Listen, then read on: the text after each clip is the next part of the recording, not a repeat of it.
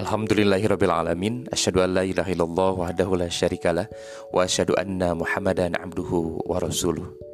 Di subuh hari ini tanggal 1 Ramadan 1441 Hijriah dalam program Sebar Percik Doa Ramadan.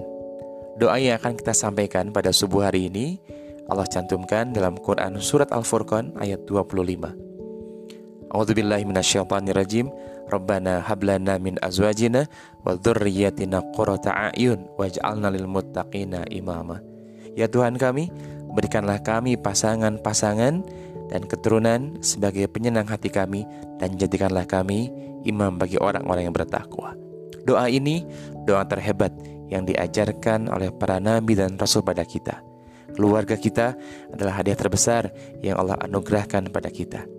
Kalau kemudian pada hari ini kita merasa keluarga kita, istri, anak-anak kita beban untuk kita, maka pertanyakanlah dengan permintaan kita pada Allah Subhanahu wa taala.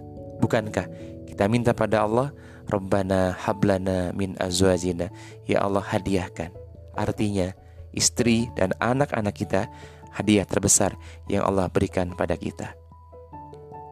Tidak hanya kemudian mengharapkan hadiah, tetapi hadiah itu mampu mengantarkan kita dan keluarga ini menjadi orang-orang yang taat pada Allah Subhanahu wa taala, penentram hati, penyejuk jiwa dan kemudian Allah antarkan diri kita, keluarga kita menjadi imam untuk orang-orang yang bertakwa. Mudah-mudahan di tanggal 1 Ramadan 1441 Hijriah harapan terbesar itu Allah curahkan kepada kita menjadi ijabah-ijabah doa-doa kita.